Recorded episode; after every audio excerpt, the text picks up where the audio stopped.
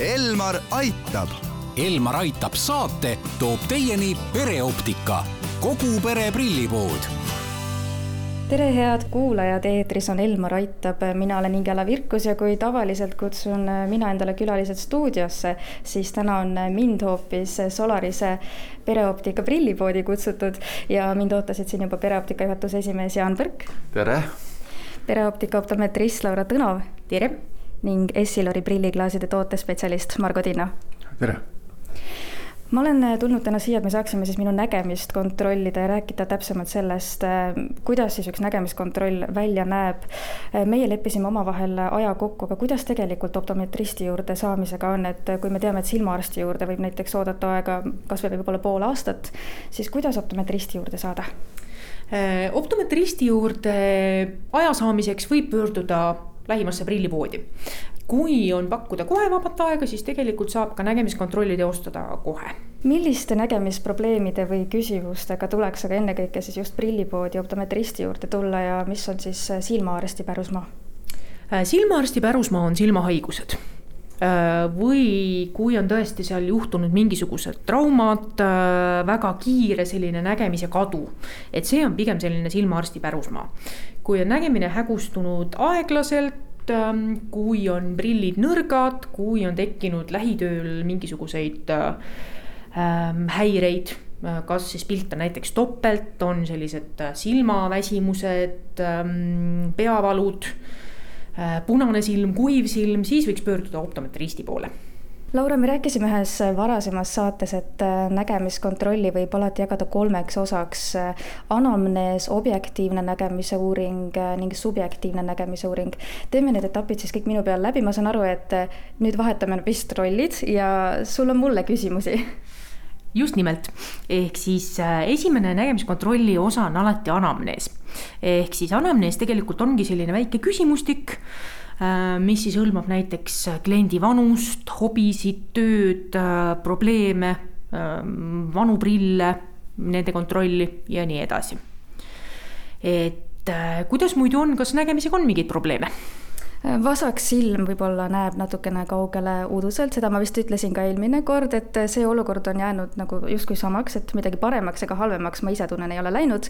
arvutiga tööd on palju ja võib-olla ma mäletan, üks väike selline mure mul on kohe, sellepärast et ma mäletan, et ühes saates me rääkisime, et nägemiskontrolli võiks tulla puhanud silmadega.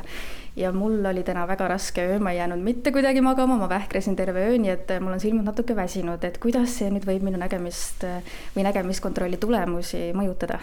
Äh, natukene ikka et mida väsinum see silm on, siis seda rohkem tavaliselt ta kas siis äh, plusstugevust või siis sellise äh, teistpidi just seda miinustugevust sinna silma ette tahab. küll aga vaatame selle nägemise siis üle täna väga hea, mis me esimesena teeme, ma näen, et siin on autorefraktomeeter, kas ma ütlesin selle õigesti täitsa õigesti. Äh, autorefraktomeeter oli siis see masin, mis mõõdab sellise üleüldise silmade tugevuse. panen siis selle masina sulle ette jaa, pane oma lõug ja laup vastu, vaatame kuuma õhupalli. jaa, see pilt läheb sul vahepeal teravaks ja vahepeal uduseks. nii, vaatame teist silma ka et natukene imiteeritakse alati sellist nii-öelda pilti, et inimene vaataks kaugusesse. ehk siis põhiline ongi see, et seal kujutisel oleks selline nii-öelda tee, mis kuhugi kaugemale kaugustesse viib nii, ma korra prindin ta välja, et natukene ta teeb siin häält ka. nii, ehk siis autorefraktomeetri näite ei ole mitte kunagi selline silmade tugevus tegelikult või nii-öelda siis prilli tugevus, ta on just see silma selline maksimaalne tugevus. ehk siis äh, eriti noorte puhul näiteks võib olla tegemist sellise valja, varjatud hüperoopiaga ehk siis varjatud plussprilliga. mida tegelikult see masin otseselt ei näitagi.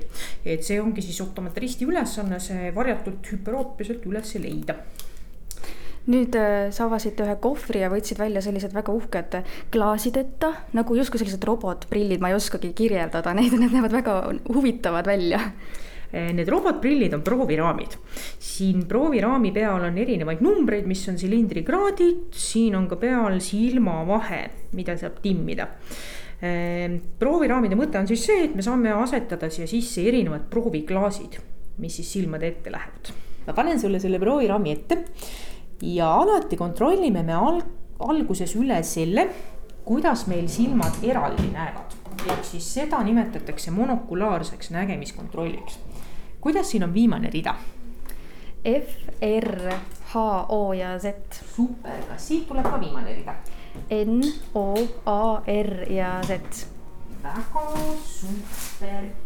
Kuigi nägemisteravus praegu siin on üks-kaks, mis tähendab sada kakskümmend protsenti nägemist, sellist suurepärast nägemist, siis noore inimesega on niimoodi, et alati tuleks seda silma ka lõdvestada. selleks kasutatakse sellist inglise keeles fogging tehniiki. ehk siis ma panen siia ette ühe klaasi, mis teeb selle nägemise täitsa uduseks mm. -hmm. ja nii ta peabki olema.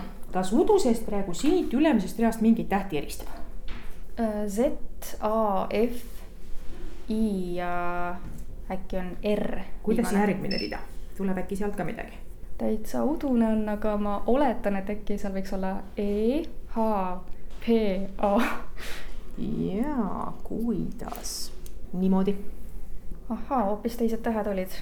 O, Z, N, A ja see viimane on ikka, aa, T-täht. väga hästi.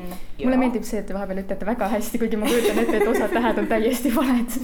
Sellest, kui sa loed mingid tähed valesti mm, -hmm. sellest ma saangi eeldada seda, kas praegu sa reaalselt näed või mitte mm. -hmm. et kas ma valetan või räägin kõik? see siin on nagu kell oh,. seda ma eelmisest korrast ei mäleta. vot nii, see on kellatest kella loodan, et tunned, küll aga kui sa vaatad neid kriipsukesi, kas mõni kriipsuke on tumedam teistest ka? Äh, kolme juures tundub ja siis üheksa ja kümne vahel tundub selline teravam. Teised on natukene nagu katkendlikud numbrid seal vahepeal mm. -hmm. kui ma panen, tähendab need jooned mm. -hmm. kui ma panen ühe klaasi juurde, kas mm -hmm. niimoodi midagi muutus ka?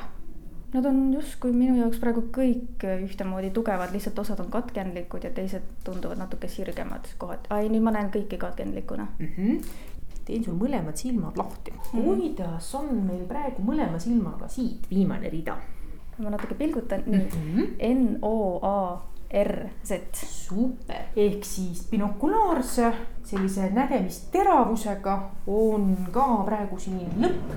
Mis see binokulaarne tähendab? binokulaarne tähendab seda, et kahe silmaga koos mm. -hmm. nüüd äh, nägemisteravus äh, silmadel on nii nagu eelmine kord ka natuke erinev mm, -hmm. et äh, nüüd täitsa oleneb sellest, et kas meil on tegemist selle tõesti selle magamatuse nii-öelda silmaväsimusega, aga tegelikult on niimoodi, et see parem silm natuke tahab sinna plussi praegu. vasak silm on ikkagi samasuguses väikeses miinuses. Ehk siis, kui ei ole mingisuguseid lähitööl selliseid korralikke silmaväsimisi, siis otseselt sinna parema silma ette praegu seda plussi panema ei pea. küll aga, kui oleks selliseid korralikke, ma ei tea, peavalusid, silmade väsimust hästi palju töö juures, siis ma pigem isegi soovitaks selle plussi sinna ette panna. me teeme siin jutuajamise ja kontrolli väikese pausi, aga jätkame juba saadet homme kell kaksteist nelikümmend viis. Elmar aitab.